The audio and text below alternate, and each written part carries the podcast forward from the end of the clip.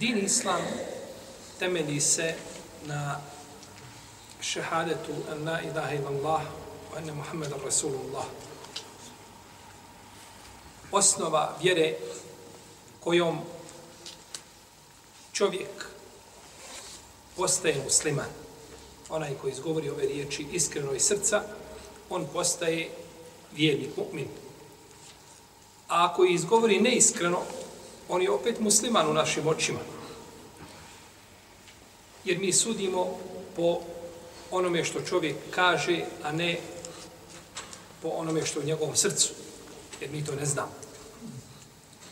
Pa čovjek koji izgovori ove riječi i da pravo ovim riječima, on će biti spašen na ahiretu.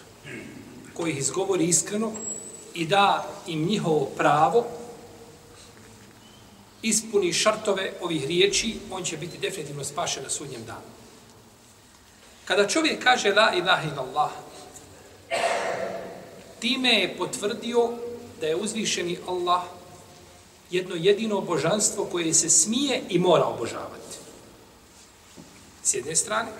I s druge strane je negirao postojanje širka.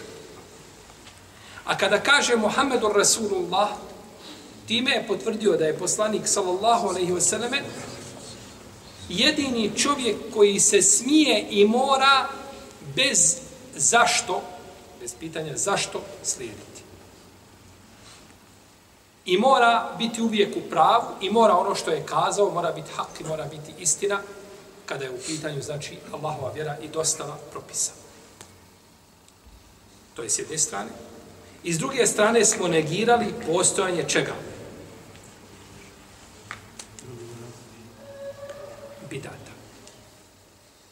Sa la ilaha illallah negiramo postojanje širka, a sa Muhammedu Rasulullah negiramo postojanje čega? Bidata jer je poslanik sa osvijem taj koji se mora slijediti. A u slijedjenju sunneta ne mogu biti bidati. Jer to su dvije kontradiktornosti, kao što su kontradiktornosti gdje u teuhidu i u širku. La ilaha illallah i širk se ne mogu spojiti. Sunnet i bidat se ne mogu spojiti. Fela u rabbike la yu'minune hatta yuhakimuke fima šeđar bejno. Uzvišeni se Allah kune sobom. I tako mi gospodara tvoga, kaže, oni neće vjerovati dok tebe ne uzmu kao sudca u međusobnim sporovima. Thumme la jeđidu fi enfusihim harađem mimma qadajte u yusallimu teslimu i potom u svojim dušama nimalo te gobe zbog onoga što si ti ili čime si im ili kako si im presudio ne osjete i dok se sasvim ne pokore. I dok se sasvim ne pokore. I zato islamski učenjaci kažu da je hadis Aisha radijallahu ta'ala anha koga bilježe Buhari i Muslim u svojim sahihima kaže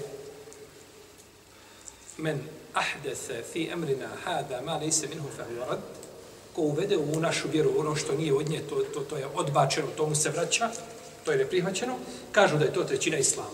Tako spominje vam Šatibi u svome djelu Elete. Sam i drugi, da je taj hadis trećina islama. Jer na njemu se gladi jedan veliki propis, a to je propis slijedjenja poslanika, sallallahu alaihi wa sallam, a u isto je vrijeme, znači, odbacivanje vjera.